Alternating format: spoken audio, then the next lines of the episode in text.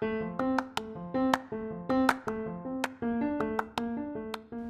hari setelah pemeriksaan kesehatan Raffi, di The Grass semua berjalan seperti biasa.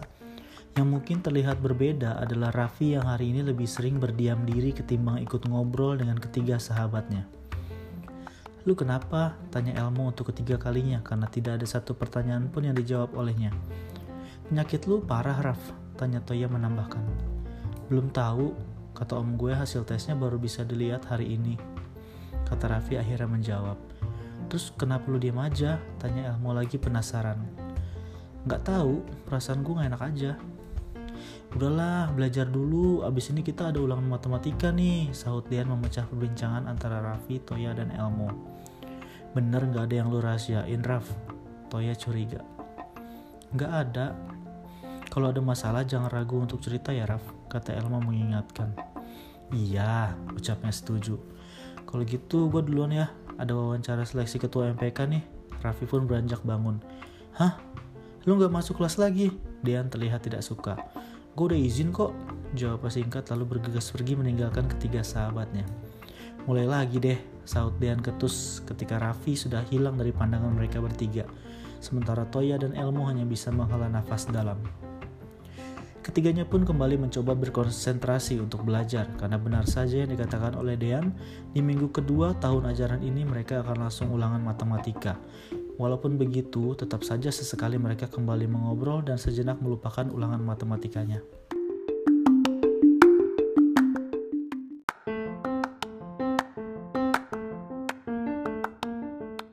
Sementara itu, keadaan Raffi tidak menjadi lebih baik. Saat ia sedang menunggu giliran wawancara, malah bertambah parah karena sakit kepalanya sekarang datang lagi dan semakin terasa sakit.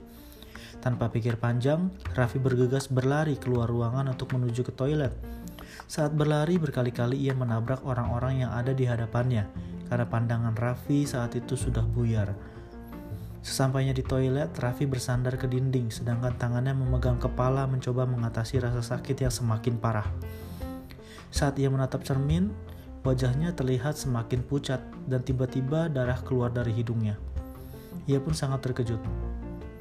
Apa yang terjadi sama gue? Kenapa darah sampai keluar dari hidung gue? Raffi pun bergegas menghapus darah dengan sapu tangan yang ia bawa. Cukup lama ia menahan rasa sakit, sampai akhirnya secara perlahan-lahan rasa sakit itu mulai menghilang lagi. Setelah beberapa saat menenangkan diri, Raffi memutuskan untuk kembali ke ruang MPK untuk meneruskan wawancaranya yang sempat tertunda.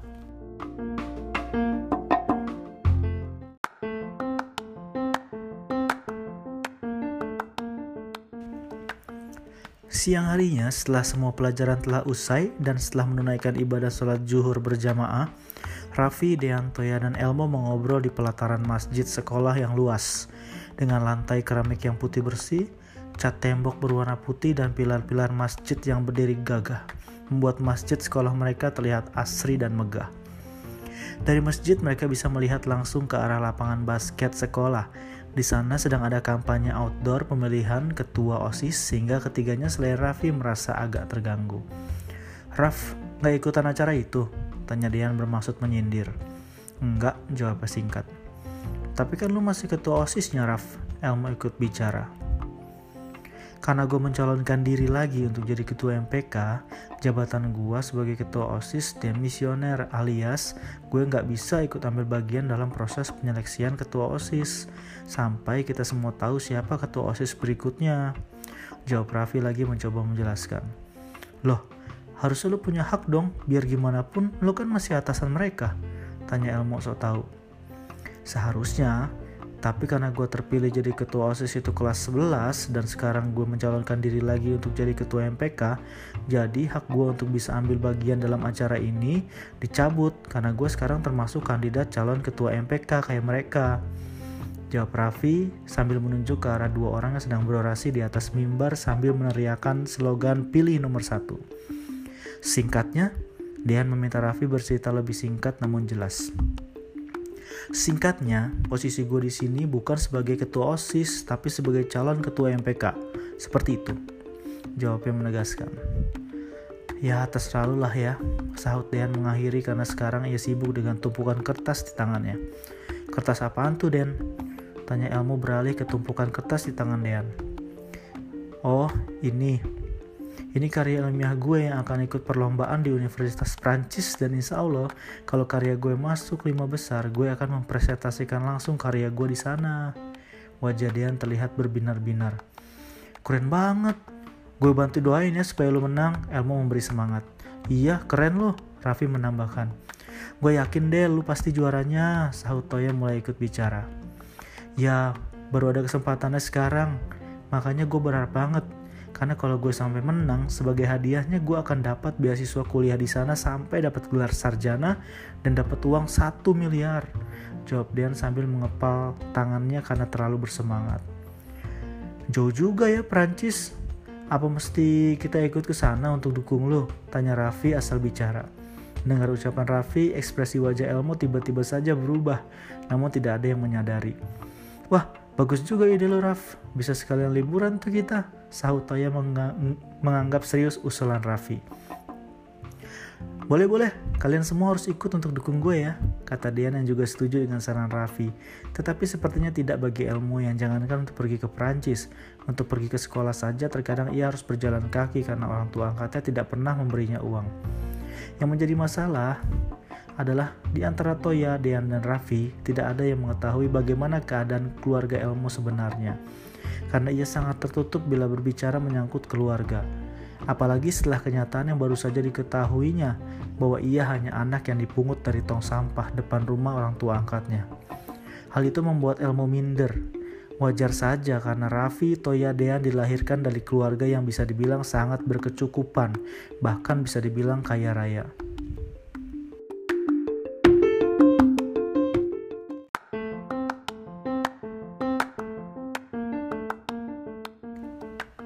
Dalam keadaan yang tidak menyenangkan bagi Elmo, datang seorang cewek super gendut menghampiri mereka dan duduk di sebelah Dean. Cewek yang bernama Ola itu datang membawa sekotak coklat yang terlihat sangat lezat. Hai Prince Dan, coklat enak dan spesial ini hanya spesial buat kamu yang pintar dan ganteng.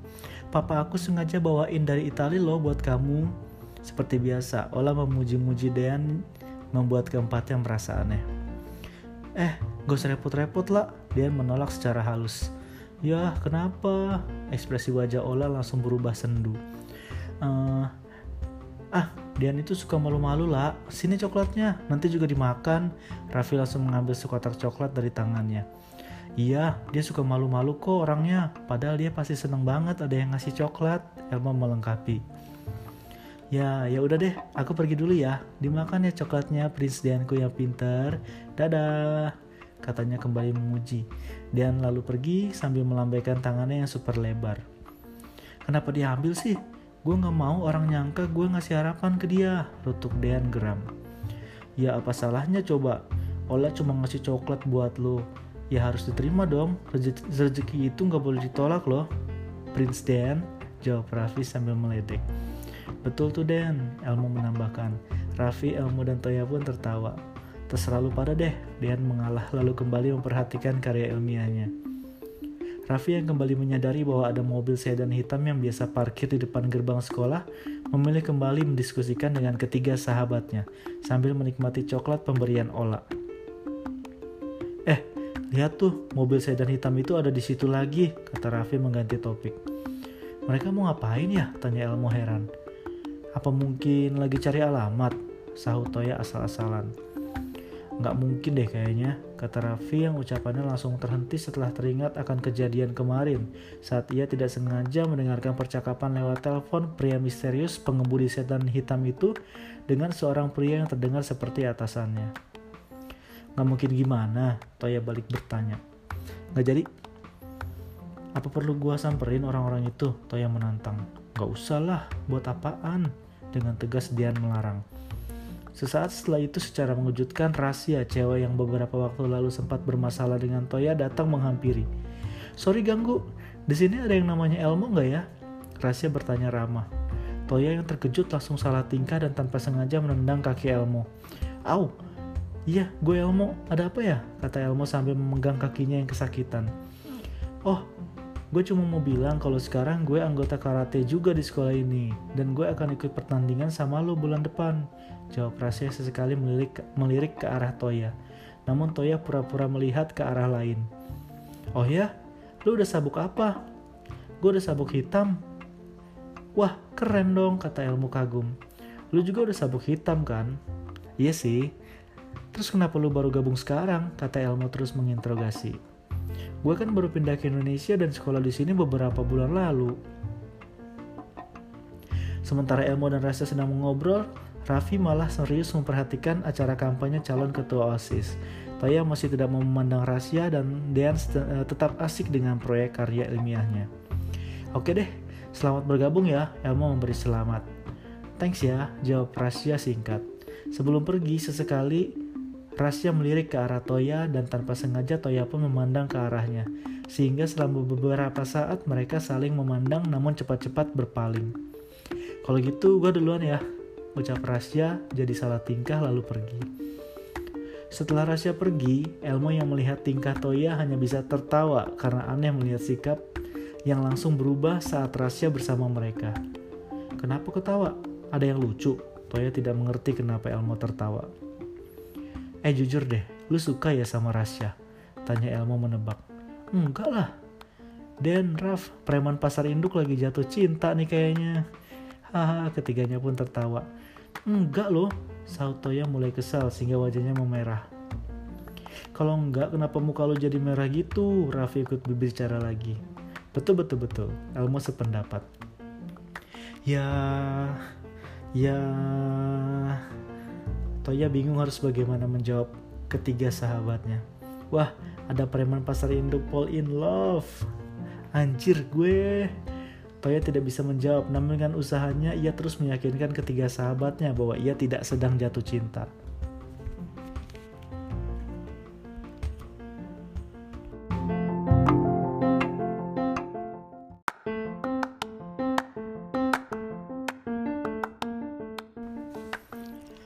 Karena Raffi tidak bergegas ke rumah sakit setelah jam sekolah berakhir, ia sampai rumah sakit sudah sore hari untuk mengambil hasil pemeriksaan kesehatannya.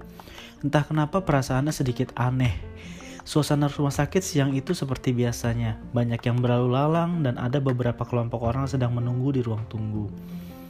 Raffi terus berjalan sampai ia tiba di halaman rumput hijau penuh bunga berwarna-warni lagi.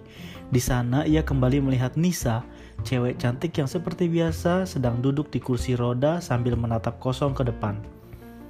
Kali ini keinginan Raffi untuk menghampiri Nisa sangat besar, sehingga tanpa pikir panjang lagi ia langsung melangkah menghampirinya. Selangkah demi selangkah dijalani Raffi dengan keraguan sampai ia tiba di hadapan cewek bernama Nisa itu. Tetapi sampai di depan di hadapannya ia malah bingung harus berbuat apa. Ibu, Nisa menyangka Raffi adalah ibunya. Bukan, saya Raffi. Nisa langsung berteriak histeris dan ketakutan. Siapa kamu? Pergi, jangan ganggu saya. Tenang, tenang, tenang. Saya nggak bermaksud jahat kok, kata Raffi berusaha menenangkan. Tapi bukannya tenang, malah membuatnya semakin histeris. Ibu, Nisa yang ketakutan berteriak memanggil ibunya, sedangkan Raffi yang kebingungan tidak tahu harus berbuat apa. Sampai ibunya datang pun Raffi masih berdiri terpaku tanpa berbuat apa pun. Ada apa Nisa? Tanya ibunya terlihat khawatir.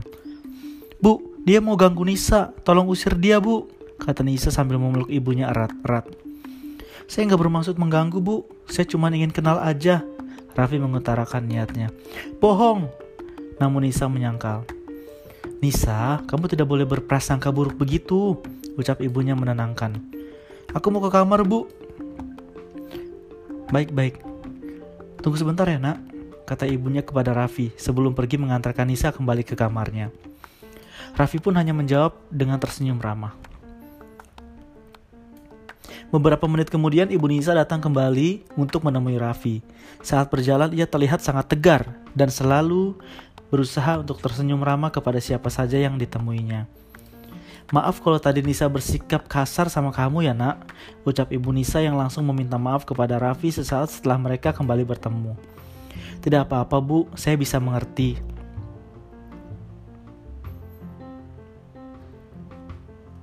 Lalu kenapa kamu datang menghampiri Nisa? Padahal kan kamu tidak kenal sama sekali. Sebelumnya saya mohon maaf atas sikap saya tadi yang mungkin kurang sopan. Tapi saya hanya merasa empati dan ingin kenal sama Nisa aja, Bu. Tidak apa-apa, Nisa hanya perlu waktu. Bu, kalau saya boleh tahu, memang apa yang sebenarnya terjadi sama Nisa? Tanya Raffi ragu-ragu. Setelah Raffi bertanya, ekspresi wajah Ibu Nisa tiba-tiba berubah sedih. Raffi yang jadi yang Raffi yang jadi tidak enak memilih mengurungkan niat. Maaf Bu, kalau ibu nggak mau cerita juga nggak apa-apa kok. Maaf saya sudah lancang. Raffi menyesali ucapannya. Namun Ibu Nisa malah tersenyum dan melanjutkan bicara. Tidak apa-apa, Ibu Nisa memaafkan. Nisa sudah tidak dapat melihat sejak ia dilahirkan, dan beberapa waktu lalu ia mengalami kejadian yang sangat mengerikan. Ia hampir diperkosa oleh preman-preman dekat tempat les musiknya saat ia akan pulang ke rumah. Beruntung ia berhasil melarikan diri. Ketika sedang berlari, menyelamatkan diri, ia tertabrak mobil sehingga sekarang ia tidak bisa berjalan. Itulah yang membuat ia sangat ketakutan bila ada orang asing yang mendekatinya. Ia jadi sangat tertutup dan selalu merasa ketakutan. Cerita ibu Nisa yang kini mulai menitikkan air mata. Apa kaki dan mata Nisa masih bisa sembuh, Bu? Saya sudah berusaha untuk mengobati matanya, tapi belum berhasil karena ia tidak bisa melihat sejak lahir. Satu-satunya jalan adalah donor kornea mata. Tapi saat ini belum ada donor kornea mata yang cocok untuk Nisa. Lagi pula untuk biaya operasi mata yang sangat mahal, apalagi untuk seorang guru seperti saya. Ditambah lagi semenjak percobaan pemerkosaan dan kecelakaan itu, Nisa jadi kehilangan semangat hidup. Itu yang menyebabkan kakinya sulit untuk pulih kembali seperti semula. Tutur ibu Nisa sambil mengelap air mata dari pipinya. Raffi yang mendengarkan cerita itu jadi ikut sedih. Satu hal yang dapat ia simpulkan bahwa ia harus selalu bersyukur dengan apa yang ia miliki saat ini, walaupun keadaannya tidak sempurna. Maaf kalau saya lancang, memang ayahnya Nisa ke mana ya bu? Kata Raffi memberanikan diri untuk kembali bertanya. Ayah Nisa meninggal dunia dua tahun yang lalu karena kanker paru-paru. Saya tidak tahu harus berbuat apa lagi agar dia mau kembali bersemangat seperti dulu. Hanya muzizat yang bisa saya harapkan sekarang. Ibu Nisa berusaha pasrah. Kalau boleh saya mau mencoba membantu semampu saya, Bu. Kamu membantu Nisa? Tanyanya penuh harap. Iya, saya benar-benar mau membantu. Walaupun saya nggak bisa menyembuhkan penyakit Nisa, tapi insya Allah saya bisa membantu menemukan kembali semangat hidupnya.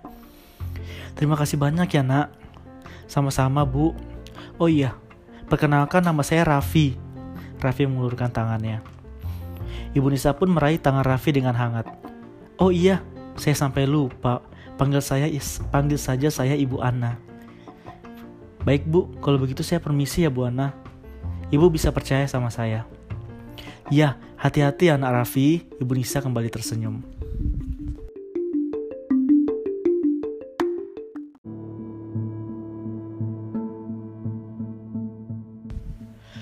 Langit mulai mendung.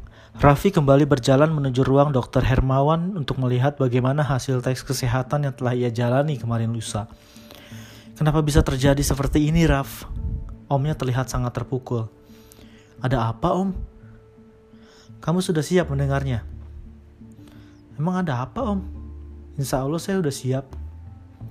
Dokter Hermawan menghela nafas dalam. Kamu mengidap kanker otak, Raf ada tumor ganas yang ukurannya ah, sudah cukup besar bersarang di otak kamu. Hah? Om bercanda kan? Raffi tidak percaya. Urat nadinya terasa menegang. Jantungnya terasa seperti berhenti berdetak saat mendengar vonis tersebut. Om tidak bercanda. Mana mungkin bisa saya kena kanker, Om? Tapi itu kenyataannya, Raf. Tapi saya bisa sembuh kan, Om? Tanya Raffi penuh, penuh harap. Kini jantungnya berdetak sangat cepat. Om harus jujur bahwa kemungkinan itu kecil. Om Hermawan berterus terang. Setelah mendengar kenyataan itu, Raffi seperti terjatuh ke dalam jurang yang sangat dalam. Kakinya terasa lemas dan hal buruk mulai menghantui pikirannya. Ia takut tidak akan bisa bangkit kembali. Tapi Om bukan Tuhan, Raf. Keajaiban mungkin saja terjadi. Asal kamu mau menjalani kemoterapi mungkin harapan kamu untuk hidup akan lebih besar dan Om akan bantu kamu sekuat tenaga. Kata Om Hermawan mencoba memberikan harapan. Percuma aja om, saya pasti mati kan? Raffi mulai putus asa. Air mata tiba-tiba menetes dari matanya. Jangan bicara seperti itu. Kamu harus sembuh dan kamu pasti sembuh. Om Hermawan terus memberi semangat. Saya nggak mau di kemoterapi. Dengan tegas Raffi menolak. Kenapa Raf? Saya nggak siap om. Saya tahu bagaimana menderitanya orang yang menjalani kemoterapi. Pasti ada cara lain kan? Iya, kamu harus minum obat. Tetapi efeknya bukanlah menyembuhkan, hanya menghilangkan rasa sakitnya aja. Gak apa-apa om. Tapi kamu harus sembuh, Raf. Pokoknya saya gak mau di kemoterapi. Raffi keras kepala. Baiklah, untuk saat ini om hanya akan memberikan kamu obat. Tapi saat penyakit kamu semakin parah, kamu harus mau menjalani kemoterapi. Bagaimana? Om Hermawan mengajukan pilihan. Raffi pun berpikir sejenak, lalu menjawab hanya dengan anggukan lemah yang berarti setuju. Siapa yang akan memberitahu orang tua kamu? Apa harus om? Jangan om, jangan beritahu mereka sekarang, Raffi memohon. Kenapa lagi Raf? Mereka harus tahu. Jangan sekarang om. Lalu kapan? Tidak bisa. Om harus memberitahu mereka segera. Om Hermawan menolak. Tolong om, jangan beritahu mereka sekarang. Biar nanti saya yang bicara. Tapi nggak sekarang. Raffi terus memohon. Raf, Om, tolong Raffi kali ini aja. Karena Raffi terus-menerus memohon, akhirnya Om Hermawan pun setuju. Baiklah, tapi ini masalah besar, Raf. Ini menyangkut hidup kamu. Jadi mereka harus cepatnya tahu soal penyakit kamu. Iya, Om. Om akan rujuk kamu untuk dirawat oleh dokter spesialis kanker terbaik di rumah sakit ini. Namanya Dokter Ridwan. Dia yang terbaik di sini. Sementara itu kamu harus meminum obat yang Om berikan secara teratur dan periksakan diri kamu setiap satu minggu sekali kepada Om Ridwan. Kamu mengerti? Raffi menghapus air mata di wajahnya. Iya Om. Kalau udah selesai, saya mau pulang. Dengan wajah lesu, ia pun memutuskan untuk pulang. Jaga diri kamu, Raf. Di depan pintu, Om Hermawan memberikan pelukan hangat untuk keponakannya itu. Hujan turun begitu deras. Raffi pergi meninggalkan rumah sakit dalam keadaan hati yang putus asa. Belum pernah ia merasa separah ini. Sampai lagi-lagi ia tidak kuasa menahan air mata. Karena tidak menyangka akan mendapatkan cobaan seberat ini. Hujan deras langsung membasahi tubuhnya yang malam itu hanya menggunakan seragam sekolah tanpa pelindung tubuh apa-apa. Tasnya pun dibiarkan basah. Saat berdiri di dalam busway, Raffi masih membatu. Ia bingung harus bagaimana. Seakan tidak ada lagi yang bisa dilakukannya di dunia ini. Penyakit kanker ini sebentar lagi akan membunuh gue. Batinnya berucap lirih. Kesedihan Raffi malam ini diwakili oleh derasnya hujan yang turun seakan semangatnya pun perlahan-lahan luntur.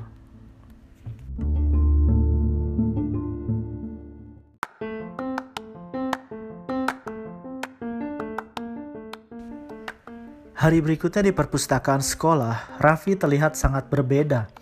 Sangat murung dan jauh dari kesan ramah yang biasa ia tampilkan. Berbeda dengan ketiga sahabatnya tetap terlihat ceria dan bersemangat. Raff Lu kenapa sih? Muka lu kok pucat gitu? Kata Elmo sambil memperhatikan wajah Raffi. Iya Raf, sakit lagi loh, Toya menambahkan. Hmm, Raffi berpikir keras untuk mencari jawaban yang tepat. Gak kenapa-napa kok gue, jawab ragu-ragu. Gimana hasil tes kesehatannya? Tanya Elmo lagi yang terakhir teringat tes kesehatan Raffi. Padahal pertanyaan itulah yang berusaha ia hindari. Raffi kembali berpikir keras karena takut salah bicara. Hmm, woi, sahut Toya yang mengagetkan. Kata dokter nggak kenapa-napa kok, cuma kecapean aja. Jawab Raffi asal menjawab. Kecapean bisa sampai pingsan, kata Dean berpendapat dari balik buku pelajarannya dengan nada tidak percaya. Yakin cuma kecapean? Bohong gua tonjok lu ya, Toya terlihat tidak percaya begitupun dengan Elmo. Yakin 100%, jawab Raffi sambil tersenyum terpaksa. Karena takut ditanya macam-macam lagi, ia memilih pergi. Oh iya, gue ada jam tambahan sama Pak Sandi nih, gue duluan ya. kata Raffi terburu-buru sampai setumpukan buku di atas meja tersenggol olehnya dan jatuh ke lantai dengan bunyi debam sangat keras. Akibatnya seorang wanita penjaga perpustakaan bertubuh pendek gemuk berkacamata tebal datang memarahinya. Hei kamu, jangan buat keributan di sini, ucap penjaga perpustakaan itu berteriak. Bukannya ibu ya yang teriak-teriak, saut Toya ketus. Penjaga perpustakaannya pun melempar pandang sinis. Raffi yang terkejut bergegas merapikan buku-buku yang berjatuhan dan meletakkan kembali di atas meja. Kemudian kembali berjalan keluar ruangan perpustakaan. Kenapa lagi tuh anak? Kata Toya tidak mengerti. Kayaknya ada yang gak beres nih. Elmo mengungkapkan kecurigaannya, sedangkan Dean cuek saja dan terus membaca. Eh, gue keluar sebentar ya, ucap Toya tergesa-gesa. Ia pun langsung berlari keluar tanpa mendengarkan ucapan kedua sahabatnya lagi. Mau ke mana? Tanya Elmo ingin tahu, namun Toya tidak menjawab karena ia sudah membuka pintu perpustakaan dan keluar. Saat berjalan tergesa-gesa di depan perpustakaan, tanpa sengaja ia bertabrakan dengan Rasya sampai keduanya terjatuh ke lantai. Aduh, pekik Rasya kesakitan. Aduh, aduh, sorry, sorry, sorry, ucap Toya untuk yang kesekian kalinya. Lu tuh ya, kemarin lu bikin gue kejatuhan bola, sekarang nabrak gue, nanti apa lagi? Mau lu apa sih? Rasya memaki Toya yang hanya bisa diam karena bingung harus berbuat apa. Ngomong dong, jangan diam aja. Lu gagu ya? Rasya semakin kesal karena Toya hanya terdiam tak bersuara. Kan udah gue bilang, gue minta maaf. Ucap Toya balik membentak Rasya sambil menunduk tidak mau memandang wajahnya. Loh, kok jadi lu yang marah sih? Ingat ya, kita itu gak kenal. Jadi jangan buat gue benci sama lu. Ucap Rasya marah lalu pergi meninggalkannya. Entah disadari atau tidak, Toya baru saja meraih tangannya. Tunggu Syah. Toya meminta Rasya berhenti, namun Rasya yang sudah sangat marah langsung berbalik dan menampar wajah Toya lalu berlari meninggalkannya. Ah, bego banget sih gua, kata Toya dalam hati. Ia kesal dengan sikapnya sendiri, lalu menyentuh pipinya yang baru saja ditampar oleh Rasya. Setelah kejadian itu, Toya yang awalnya berniat mengejar Raffi terpaksa membatalkan niat dan memilih untuk kembali ke kelas untuk menenangkan diri.